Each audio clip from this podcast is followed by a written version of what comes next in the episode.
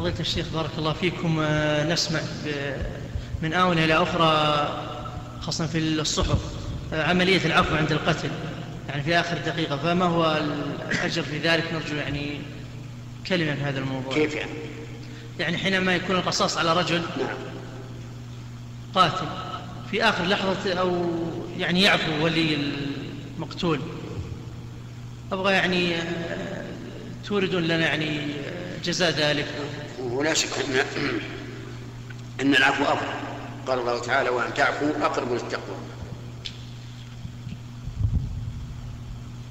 ولكن العفو لا بد أن يكون مقرونا بالإصلاح.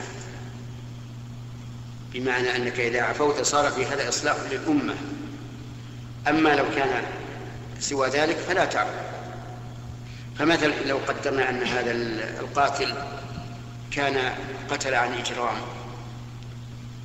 وعن حب للاغتيالات وأننا لو عفونا عنه اليوم لذهب يقتل آخر في اليوم الثاني أو لتجرأ آخرون على ما تجرى إليه من القتل فهنا لا ينبغي العفو بل الأخذ بالحزم.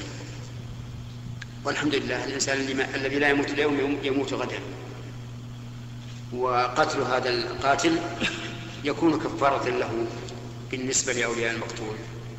وإذا كان قد تاب إلى الله توبة نصوحا كان أيضا كفارة له بالنسبة لحق الله عز وجل ويبقى حق المقتول. لأن القاتل عمدا يتعلق بجرمه ثلاثة حقوق حق الله عز وجل وحق المقتول وحق أولياء المقتول.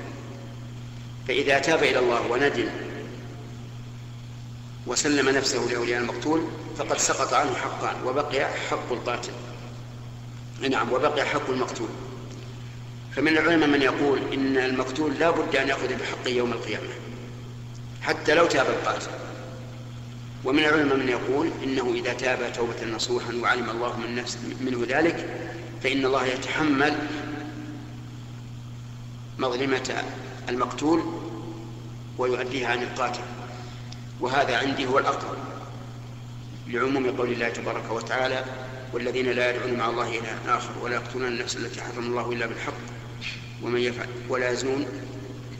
ومن يفعل ذلك يلقى أثاما يضاعف له العذاب يوم القيامة ويخلد فيه مهانا إلا من تاب. فالآية عامة. تدل على أنه إذا تاب سقط عنه كل ما يتعلق بهذا القتل.